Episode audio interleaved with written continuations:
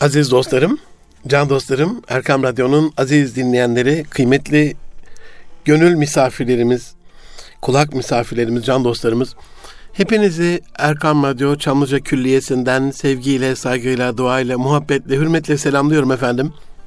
Hepinize hayırlı günler diliyorum. Erkam Radyo'da Münir Arıkan'la Nitek İnsan programındasınız. 2021'in 38. programında 3 haftadan beri devam eden dünyanın sorunlarına İslamca, Müslümanca, insanca bakışa inşallah bu haftada devam edeceğim. Birkaç hafta sürer demiştim. Herhalde bayağı da bir sürecek gibi görünüyor problemlerin çokluğundan, onlara olan hassasiyetimizin azlığından olsa gerek 55 tane e, problem var.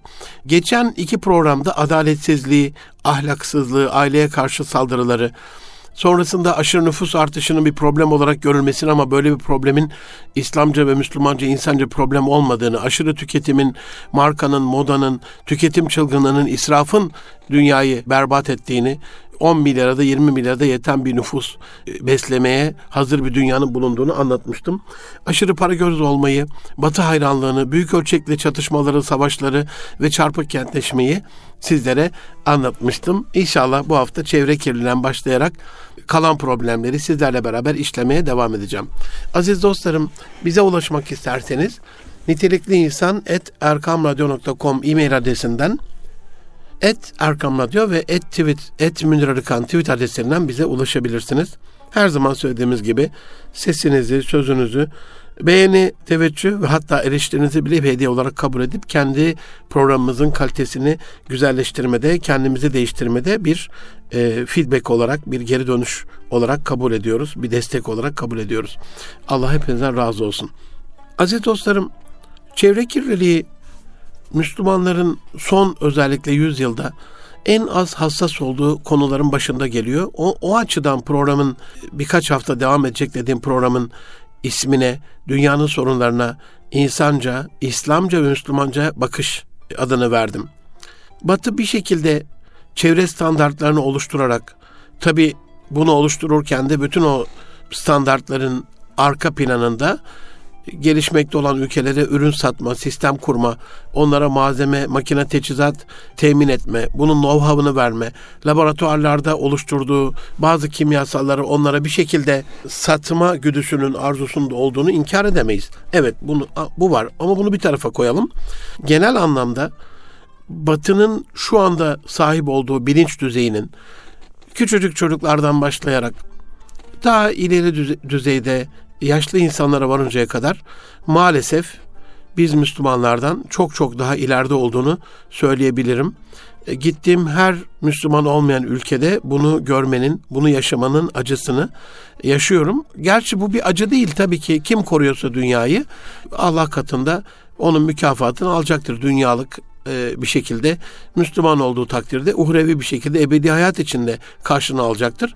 Hani bunu bizim dışımızdakilerin yapmış olması bizim adımıza maalesef ama dünya adına tabii ki elhamdülillah.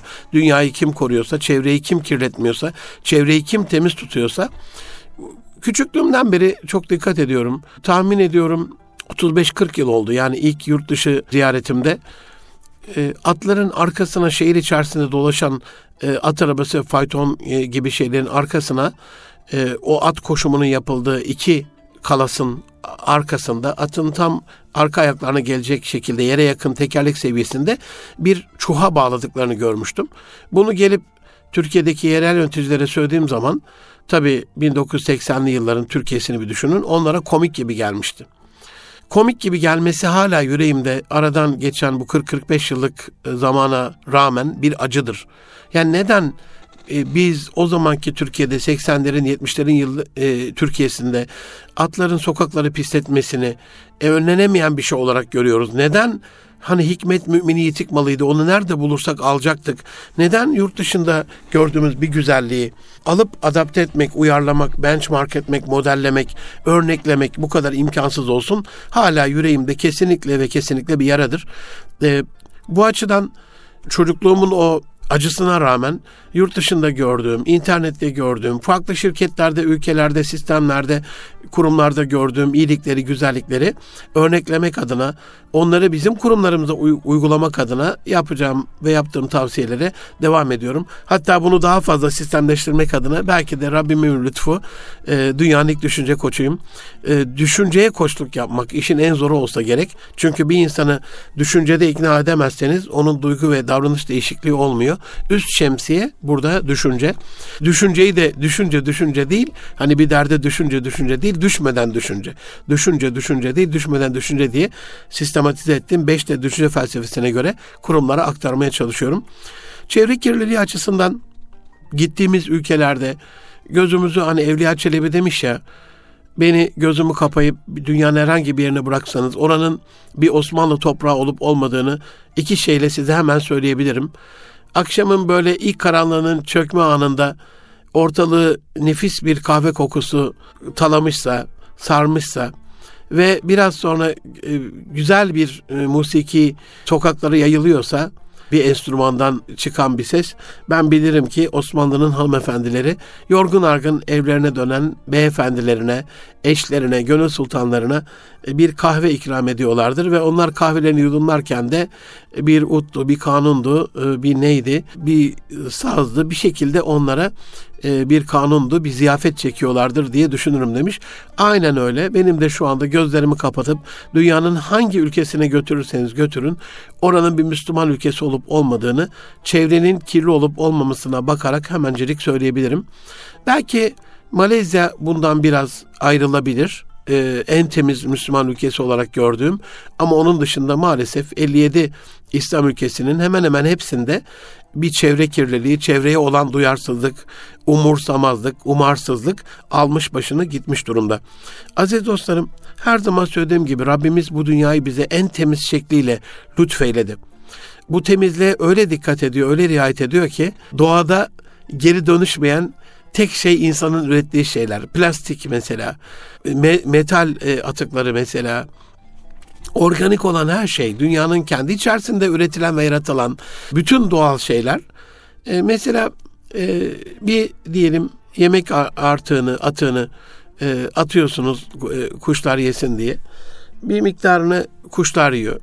E, bir miktarını kediler yiyor, etli kısımlarını. Tam kemiğe geliyor, o kemikleri taş kadar e, sağlam olan kemikleri affedersiniz köpekler yiyor. Ondan sonra kalan e, ıvır zıvır şeyler oluyor. Onları geliyor karıncalar taşıyor. Bir müddet sonra bakıyorsunuz o kirli bir şekilde atıkları o e, yemek atıklarının olduğu yerde tertemiz otlar bitmeye başlamış. Çünkü o yemek içerisindeki organik e, maddelerde bir şekliyle orayı da canlandırıyor. Dolayısıyla öyle bir ekosistem kurmuş ki Rabbimiz bu sistem içerisinde e, hiçbir şeyin hiçbir şey kirletmesine izin ver, verilmemiş bir zincir şeklinde besin zincirine uygun bir şekilde her şey tüketiliyor. Her şey daha düzgün bir hale geliyor. Her şey her şeyi besliyor. Daha fazla güzelleştiriyor. Böyle bir ekosistem kurulmuş. Buna müdahale eden insan çevre kirliliğinin baş mimarı. Çevre kirliliği o kadar bir hal almış ki aziz dostlarım. Tabii en önemli unsuru bunun e, sanayinin yaptığı kirlilik, sanayi aşırı tüketimi, aşırı tüketim, e, aşırı marka düşkünlüğünü böyle bir kısır döngüde bizi felakete doğru götürüyor. E, geçen hafta anlatmıştım hani 100 kişinin 200 kişinin giyebileceği kılık kıyafeti o sahabe-i güzinin bir e, elbisesi vardı ikincisini bulan onu hemen bir başkasına e, hibe ederdi, hediye ederdi. Çünkü yoktu. İnsanlar bazen kılık kıyafeti olmadığı için o mübarek insanlar dışarıya çıkamaz, camiye gidemeyecek durumda olabilirlerdi. Büyük sahabelerin, e, şehitlerin mezardaki durumunu anlattım size geçen hafta. Hani şehitleri kefenleyecek şimdi bizde kaç kat kefen sarılıyor. Bir kat bile üstünü örtecek bir kumaş yoktu ayağını örtekliyor, başı açık kalıyordu. Başına doğru çeksek ayağı açık kalıyordu. Onlar o şekliyle şehit oldular. Şimdi bizim yaptığımız bu israf e, inanılmaz bir çevre kirliliği oluşturmuş durumda. Çevre kirliliğine iki örnek vermek istiyorum. Çevre kirliliği insan kanında ve vücudundaki kirliliğe doğru evriliyor, dönüşüyor. Aman dikkat Bunda eğer bir dahlimiz varsa, bu kirliliğe bir etkimiz, katkımız varsa Allah indinde bu kamu hukukudur. Vebali çok ağırdır, cezası çok fecidir. Kocaeli bölgesinde özellikle Dilovası'nın e, olduğu, o sanayinin en yoğun olduğu bölgede dünyada ilk kez anne sütünde kurşun atıkları tespit edildi. Anne sütü kirlendi. Bu dünya tarihinde ilk defa oluyor.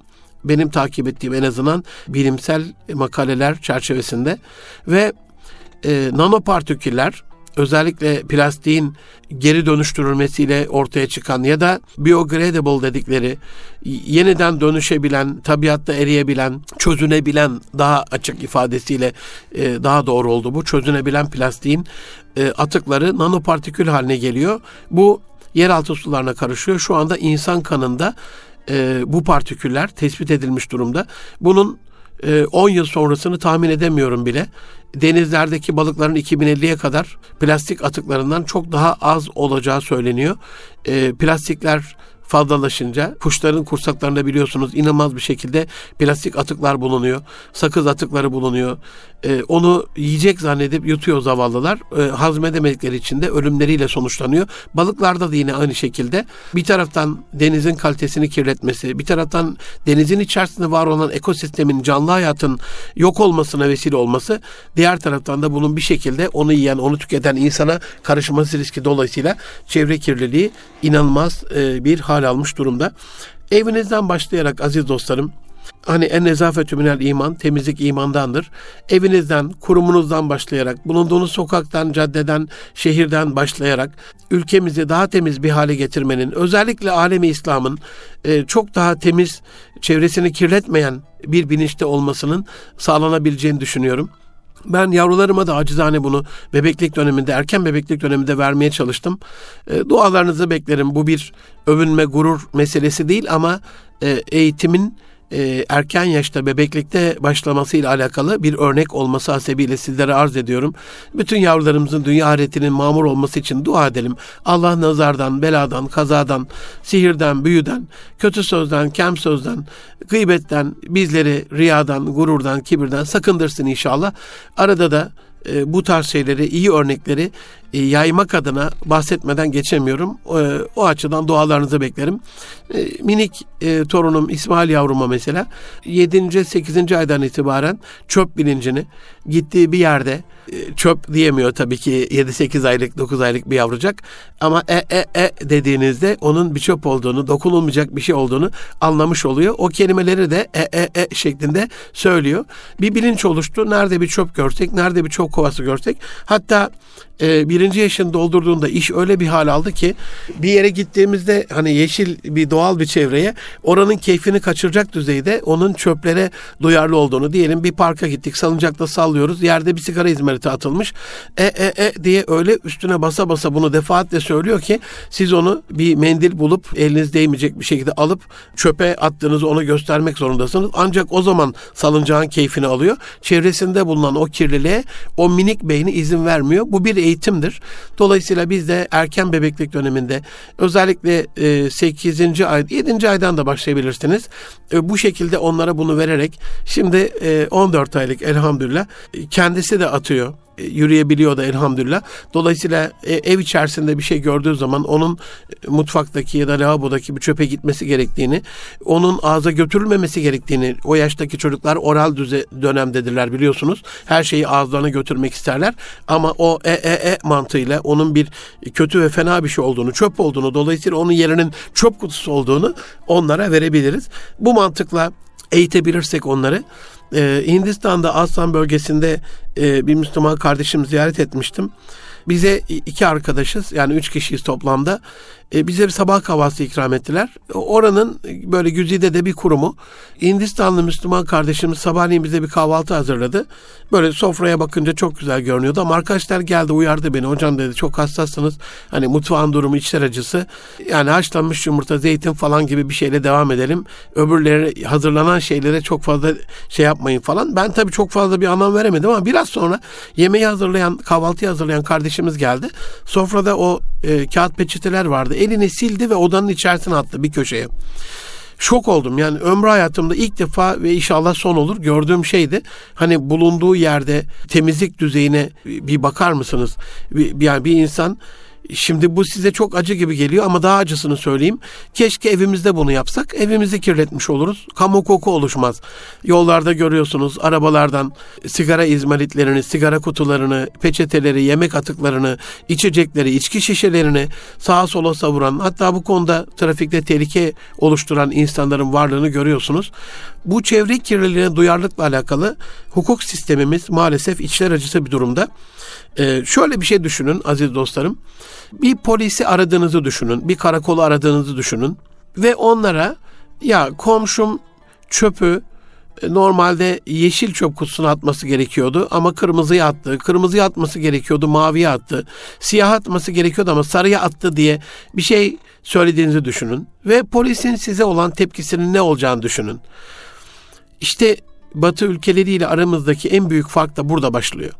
Almanya'da eğer böyle bir şeye şahit olursanız komşunuz çöpü bakın sokağa döken zaten imkansız böyle bir şey yapamaz da yanlış bir çöp kutusuna organik çöpler farklıdır, cam farklıdır, metal farklıdır, kağıt farklıdır.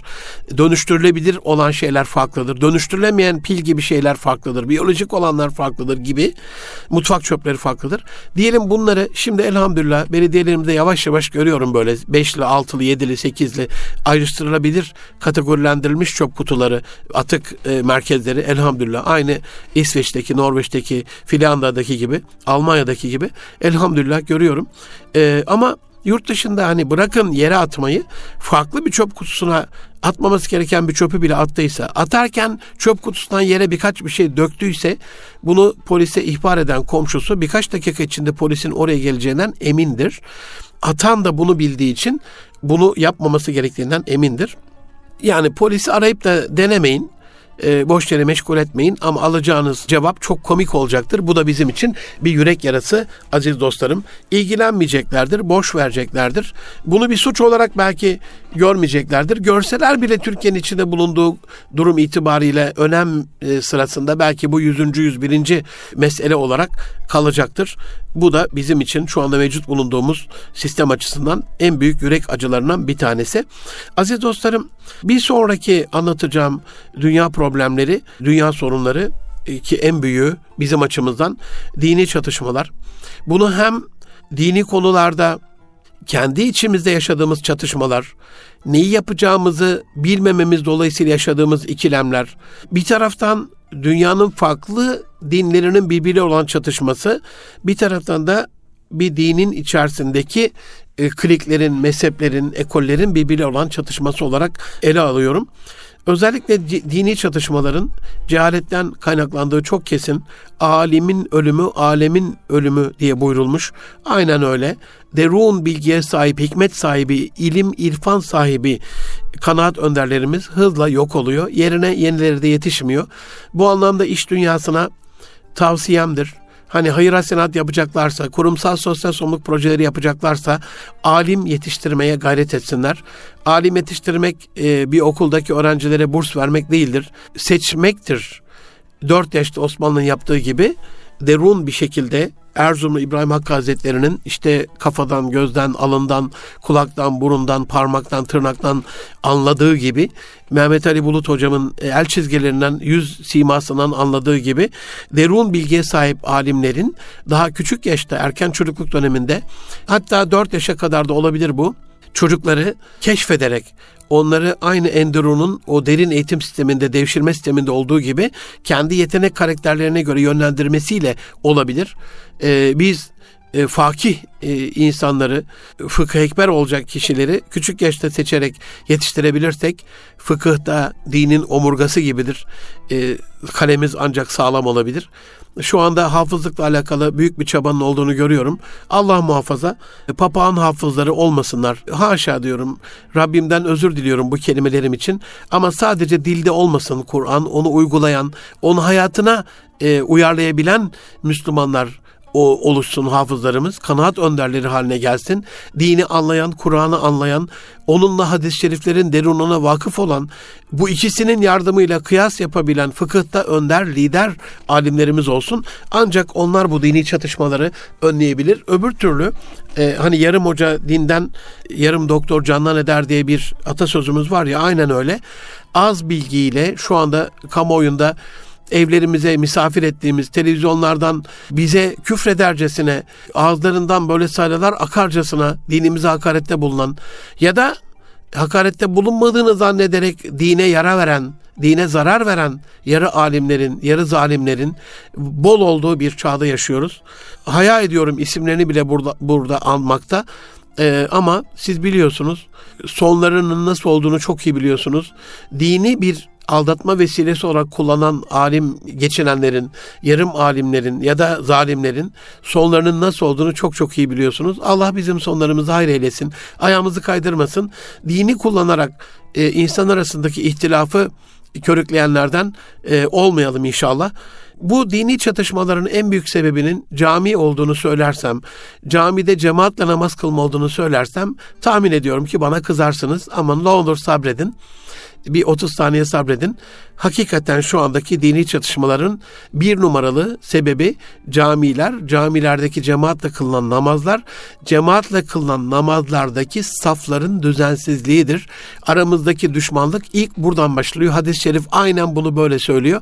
Dolayısıyla safları düzgün yapmadığımız takdirde Allah içimize ikilik veriyor, düşmanlık veriyor, haset veriyor, kin veriyor, nefret veriyor. Aramız açılıyor. Şeytan bizim aramıza daha fazla girebiliyor.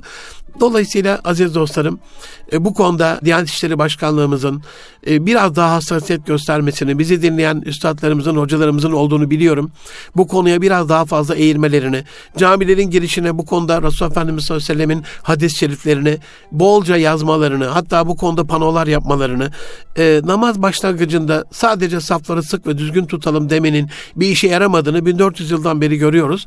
Belki imam efendilerin aynı Resulullah Efendimiz sallallahu aleyhi ve sellem gibi bizzat gelerek elinde bastonuyla asasıyla e, göbekleri, sırtları, göğüsleri hizaladığını biliyoruz. Tam hizaya bizi çekmeden e, Müslümanların e, birbiri arasındaki uhuvvetin, kardeşliğin, çatışmaların önlenmesi adına e, bitmeyeceğini size o hadis-i şerifin yorumlanmasından söyleyebilirim. O açıdan İki şeye çok dikkat edelim. Az bilgi aramızdaki çatışmaları artırır. Duygularla e, çatışmayı, tartışmayı körüklemeyelim. E, müzakereye dönüştürmenin ilk yolu bir şeyi münakaşadan kurtularak, çatışmadan kurtularak bir işi müzakereye dökmenin ilk yolu o konuda bilgi sahibi olmaktır. E, bilginin ilk kaynağı alimlerimizdir. Biz bir tıp ansiklopedisini elimize alarak bir ameliyata asla giremeyiz. Üstelik biz cerrahta değilizdir. E, operatör de değilizdir. Bu anlamda dini bir ihtilafı e, sizin zihninizde çözümlemesi için bilgisine güveneceğiniz, ilmine güveneceğiniz, ilmiyle amil bir alim zata e, danışmanız durumunda o ihtilafınız gidecektir. İçinizde bir tereddüt yaşadığınızda bilginizi artırmanız o tereddütün, şüphenin gitmesini sağlayacaktır. İki grup arasındaki e, dini çatışmaların çözümü içinde ona taraf olmamak, onlardan olmamak, e, fitnenin çıktığı bir yerde ayaktaysak oturmak, konuşuyorsak susmak en iyisi olsa gerek. Aynı Habil Aleyhisselam'ın katil olan Kabil karşısında yaptığı gibi ben sana el kaldıranlardan olmayacağım demişti. E, o çatışmaya girmemek gerekiyor. Aziz dostlarım bir sonraki aktaracağım şey dini konulardaki ihtilaf ayrılıklar bir taraftan dini çatışmalar, mezhepler arası, dinler arası çatışmalar varken bir de dini konularda özellikle alemi İslam'da kendi aramızda ihtilafla uğraşıyoruz. Kıyamete yakın ümmetim 73 fırka ayrılacak. Müslümanlar hani 73 fırka ayrılacak. Bu hadis-i şerif sahih bir hadis-i şeriftir. Bunlardan 72 72 helak olup cehenneme giderken sadece bir tanesi kurtulup cennete gidecek. Bu hadis-i şerif tam olarak e, anlaşılması gerekiyor bu hadis-i şerifin ve bunu anlamanın da tam zamanıdır diye düşünüyorum. O kadar çok arttı ki o kadar çok arttı ki aramızdaki ihtilaflar bir şekliyle yarım hocaların çünkü tam alimler yangına körükle elbette gitmeyeceklerdir ama bir şekliyle yarım alimlerin hatta alim geçinen zalimlerin ve cahillerin bu yangına körükle gittiğini, ihtilafı körüklediğini, bir şekliyle kendi taraftar toplamak adına, reyting uğruna, belki de böyle bir şöhret şehvetine kapılarak e, maalesef insanlara ağızlarda sakız olup koz verdiklerini büyük bir acı olarak görmekteyim. E, bir ihtilafa karşı Müslüman tavrı şu olması lazım. O ihtilafa körükle gideceğine eğer hemen önleyebiliyorsa önlemesi lazım. Önleyecek gücü yoksa o mak- makamı, o mekamı, mekanı terk etmesi lazım. Orada bulunmaması lazım. Ama bir de biz Allah korusun o ihtilafa, o kavgaya, o dövüşe taraftar olup başka bir insana zulmeden kişi olursak yandı gürüm keten helva mahvolmuş oluruz. Bu konuda aziz dostlarım söyleyeceğim son şey şu olabilir. Dini konulardaki itilaflar, ayrılıklarla alakalı. Ben yıllardır böyle e, mevcut olduğum gruplarda, sanal medyada, sosyal medyada, e, yaptığımız toplantılarda, sohbetlerde, istişarelerde e, alim bir insan değilim ama alimler lütfedip, teveccüh gösterip beni aralarına alıyorlar. Orada hocalarıma hep şunu söylerim. Ne olursunuz alemi İslam'ın en büyük 10 problemi konusunda hemfikir olalım. En önemli 10 sorunumuz neyse, derdimiz neyse onu konuşalım. Ama birkaç sene evvel çok büyük bir alim grubunda sosyal medyada. Bir taraftan Filistin'de, Myanmar'da, Yemen'de, Suriye'de, Irak'ta, Afganistan'da, Pakistan'da Batı'nın Resulullah Efendimiz'e alçakça karikatür suikastı yaparak itibar suikastı yapmaya çalışması, İslam'ın İslamofobiya ile anılır olması, Allahu Ekber diye bir şey duyanın ya bir intihar saldırısı ya bir bomba ya da kafa kesen bir caniyi hatırlıyor olmasının verdiği acıyla orada bulunan 300'e yakın e, alime, ulemaya e, ne olursunuz dedim. Yani en önemli 10 problemi tespit edelim. En önemli ittifak yapabileceğimiz 10 mevzu üzerinde, en önemli olan mevzu üzerinde hem fikir olalım. Ama bunu dediğim defaatle haftalar boyu bu uyarıyı haddim olmayarak yaptığım dönemlerde e, hutbede sizi temin ederim. Mahşerde bu hesabı vermeye hazırım. O çok çok e, alim zannettiğim ve öyle olduğuna da inandığım, zannettiğim burada yanlış oldu ama hani alimse bu sonuç ne diye insan o anlamda zannettim diye ürperiyor. Zatların haftalar süren şu tartışmayı yaptıklarını şahit olup gruplardan ayrıldım. Şu anda da o gruplarda değilim. İma, e, İmam Efendi hutbede ve kâle Resulullah sallallahu aleyhi ve sellem fi kal ev kal. Yani fi kal ev kal demeli mi dememeli mi inanılmaz böyle nakillerle, tarihsel süreçte tevatürlerle bunu e, anlatmaya çalıştılar. Yani peygamberimizin dediği gibi ve veya söylediği gibi. Yani içerisinde bilmiyorum yani e, alim olmadığım için demek ki ben bunu anlayamıyorum ama alimler demek ki bunu anlıyor ki bunda derin bir şey var ama hep anlatılır hani Fatih Sultan Mehmet İstanbul'u kuşattığında Ayasofya'da toplanan papazlar melekler dişi miydi erkek miydi onu tartışıyorlar diye. Bizim onlardan şu anda çok e, aşağı kalır bir tarafımızın olmadığını düşünüyorum. Haddim olmayarak haddi açtıysam bizi dinleyen dostlarımızdan özür diliyorum. Bu mesele İslam'ın en büyük sorunlarından problemlerinden biri ise bu konuda benim ilmim bunu kuşatmıyor. E, özür diliyorum. Onlar bunu tartışmaya, e, bununla alakalı hutbelerde e, bunu söylemeye ya da söylememeye e, ve bunun mükafatı ecriyle alakalı kavgalar, dövüşler yapmaya devam etsinler. Ama ben o kavganın içerisinde olmayacağım. Dolayısıyla dini konularda bir ihtilaf ve ayrılık gördüğünüz zaman onu dilinizle düzeltebiliyorsanız söyleyin. Ama düzeltilemeyen bir yerde de o tartışmanın içerisinde olmayın. En azından oradan uzak olun. Kendinizi geliştirmeye, kendinizi yetiştirmeye bakın. İhtilaf içinde olmayan bir alimin dizini diziminde ondan nasiplenmeye bakın. Yoksa yandı gülüm keten elva aziz dostlarım. Aziz dostlarım, Erkam Radyo'da Münir Arıkan'la Nitek İnsan programındasınız. Dünyanın sorunlarına insanca, İslamca, Müslümanca bakış 3. bölümdeyiz. Dünyanın sorunlarının bugüne kadar, şu ana kadar konuştuğumuz, üç programda konuştuğumuz bütün bu sorunların altyapısında eğitim eksikliği ve kalitesizliği var. Bu da en büyük sorunların başında. Ee, okul öncesi eğitime bakıyorum, ilkokula bakıyorum, ortaokula bakıyorum, liseye, üniversiteye, üniversitenin e, sonrasında master ve doktoraya bakıyorum, mesleki eğitime bakıyorum inanılmaz bir kalitesizlik, inanılmaz bir çöküş, inanılmaz bir yozlaşmışlık var. Bir kere şu konuda sizi temin ederim. 1 milyon 250 bin öğretmenimiz lütfen alınsın. Alınmaması daha bir gönül frekansımıza uyar ama üzerlerine alınsın. Öğretmen yetiştiremiyoruz. Tabi burada öğretmen akademileri, öğretmen fakülteleri, eğitim fakülteleri özellikle Milli Eğitim Camiası'nda öğretmen yetiştirme genel müdürlüğümüz e, bu konuda gerekli duyarlılığı yapmalı diye düşünüyorum. Ama gördüğüm kadarıyla e, çok az durumdayız. Yani çok e, geri durumdayız bu konuda. Geçen bir sosyal medyada dostumuzla istişare ederken e, Türkiye'de Hani bir milli takım antrenörüne ya da bir e, futbol takımının antrenörüne milyonlarca dolar verilmesini ama bunun karşısında e, çocuklarımızı geleceğe hazırlayacak yeni bir Türkiye'yi kuracak olan yavrularımızın hocalarına 3-5 kuruşluk şeyin maaşın yeterli görülmesinin ikilemini konuşuyorduk. 300'e yakın yanlış olmasın spor programı varmış. E, Türkiye'de özellikle futbolla alakalı yorum programı şok oldum yani. Bir ay içerisinde 300 farklı program. Peki ilim programı ne kadar? İlimin içerisinde öğretmenlerin kendini yetiştirmesi, geliştirmesiyle alakalı e, program ne kadar? Bu konuda e, akademik çalışmalar ne durumda? Bu konuda ya, yayınlanan dergiler, bu konuda günlük gazetelerin sayfalarında yer bulan köşeler, e, sosyal medyada bu konuyla alakalı e, açılan hesaplar, yani öğretmenlerimizin tam olarak e, bilgi bilişsel düzeyde beslenebildiğini düşünemiyorum.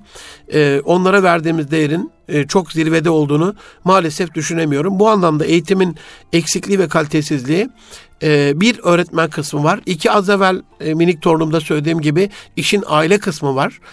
çünkü biz 4-5 yaşta onu öğretmenine teslim ederken her türlü zararı verip onu yamultulmuş bir şekilde vermişsek düzeltilmesi uzun zaman alacaktır. Ama aileyle öğretmen el ele verip ailenin verdiği eğitime öğretmenin devam ettirmesiyle çok daha ileriye götürecek e, bir durum ortaya çıkar diye düşünüyorum. Aziz dostlarım bilgiye olan açlığımızın, bilgiye olan teveccühümüzün yükselmesi e, lazım bununla alakalı. İlk emri oku olan, beşikten mezara ilmin her kadın erkek Müslümana farz olduğu, ilmin içinde bile olsa alınmasını emreden, hikmet mümini itikmalıdır nerede bulursa alsın emriyle muhatap olan biz Müslümanların ilme bu kadar, eğitime bu kadar duyarsız olmamız kabul edilebilir bir e, hata değil. E, bu açıdan ikra, ilk emir oku, okumaya devam edeceğiz. Evreni, çevreni, insanı, doğayı e, okumaya devam edeceğiz. Özellikle alim dostlarımızın eserlerini okumaya devam edeceğiz. E, bu ilim eğitim dünyasındaki kalite ne kadar az olursa olsun bizi geliştirmeye devam edecek. Bu arada sadece bunun e, bir eğitim eksikliği ve kalitesizliği olmadığını, eğitimin bu kalitesizliğinin içerisinde disiplinsizliğin de çok büyük bir problem olduğunu, disiplin olmayan ailelerde, kurumlarda, ülkelerde her şeyin fesada gireceğini sizi temin ederek söyleyebilirim. Benim gezmediğim il elhamdülillah kalmadı gibi. Çok az bir ilçe kaldı gidip program yapmadığım. İnşallah yakın bir zamanda bütün Türkiye'nin ilçelerini de e, bitirmiş, e, taramış olacağım. 750'nin üzerinde e, 800'e yakın ilçede bugüne kadar program yapmış bir kardeşiniz olarak. E, dolayısıyla Türkiye'nin nabzını tutan bir kişiyi dinliyorsunuz şu anda. İnanın yürek acımdır. Ya Türkiye'de şöyle bir kurum var. Gidin çocuklarınızı güvenle oraya teslim edin. Eğitim çok iyi, disiplin çok iyi, kalite çok iyi. Dini olarak, e, İslami olarak, insani olarak çok iyi diyebileceğim. Ee, ve mahşerde de bu bu reklamımın ceremesini ödemeyeceğime, faturasını ödemeyeceğime olan inancımın tam olduğu bir okul size şu anda söyleyemiyorum. Kısmen söyleyebileceğim okullar elbette var ama yüzde yüzüyle örnek olan e, okulları maalesef size söyleyemeyeceğim. Ama yurt dışından eğer tek işimiz ilimse ahlak, haya, edep, irfan değil de e, ilimse işte ekonomi okuyacaksanız Harvard'a gidin diyebiliyoruz. Yale, teknoloji okuyacaksanız Boston'a, Massachusetts'e, MIT'ye gidin diyebiliyoruz. Ama Türkiye'de ne teknik anlamda, mesleki anlamda, akademik anlamda böyle bir tavsiyede bulunabiliyoruz. Üniversiteler, yarım üniversite, okullar, özellikle meslek okulları e, mesleki eğitimi veremeyecek düzeyde. Sanayimiz bu anlamda can çekişiyor. Bir de tabii yabancı göçmenlerin e, düşük maaşlarla çalıştırılmasının bir azabı var içer, içerim, içerimde yani karın tokluğuna e, sigortasız, asgari ücretin çok çok altında e, karın tokluğuna çalıştırdığımız e, bu zavallılar e, muhacirler oluyor. Ensarlığımızı göstermek, onlara yardım etmemiz gerekiyor. E, bu da işin başka bir yönü. Tabii bütün e, bunları bir felaket telal olarak söylemeyeceğim. Son güzel bir örnekle bitireyim. Bursa'da Ermetal Şirketler Grubu kurucu başkanı var Fahrettin Gülener. Ben böyle değerli bir zatı neden 53 yaşında tanıdığıma hala hayıflanıyorum. Birkaç ay önce oldu kendisiyle tanışmam. E, Abdülkadir Özbek kardeşim Allah razı olsun e, tanıştırdı. E, ne yaparım e, ne yaparım diye hani benim gibi sadece diline vurmamış, problemleri benim gibi sayarak kurtulmamış. Kendi çapında bir vakıf kurmuş. E, mini minnacık çocuklara eğitim veriyor.